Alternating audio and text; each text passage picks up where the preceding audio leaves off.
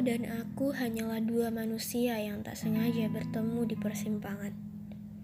Sempat terombang-ambing mencari arah mata angin, seperti serdadu yang menari di tengah padang gersang. Aku adalah kaki gunung yang tak akan pernah sampai di puncak.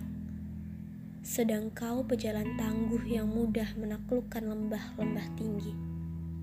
Tidak ada persimpangan di sana. Aku hanya terlewatkan. Jalan yang tak searah tak akan bisa dipaksa bertemu. Meski ku pasang taktik palsu untuk mengelabui.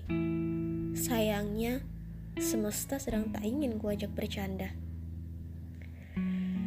Teruslah berjalan sampai kau temui rumah untuk pulang. Kalaupun jalan kita harus bersimpangan, setidaknya kau telah abadi dalam ceritaku.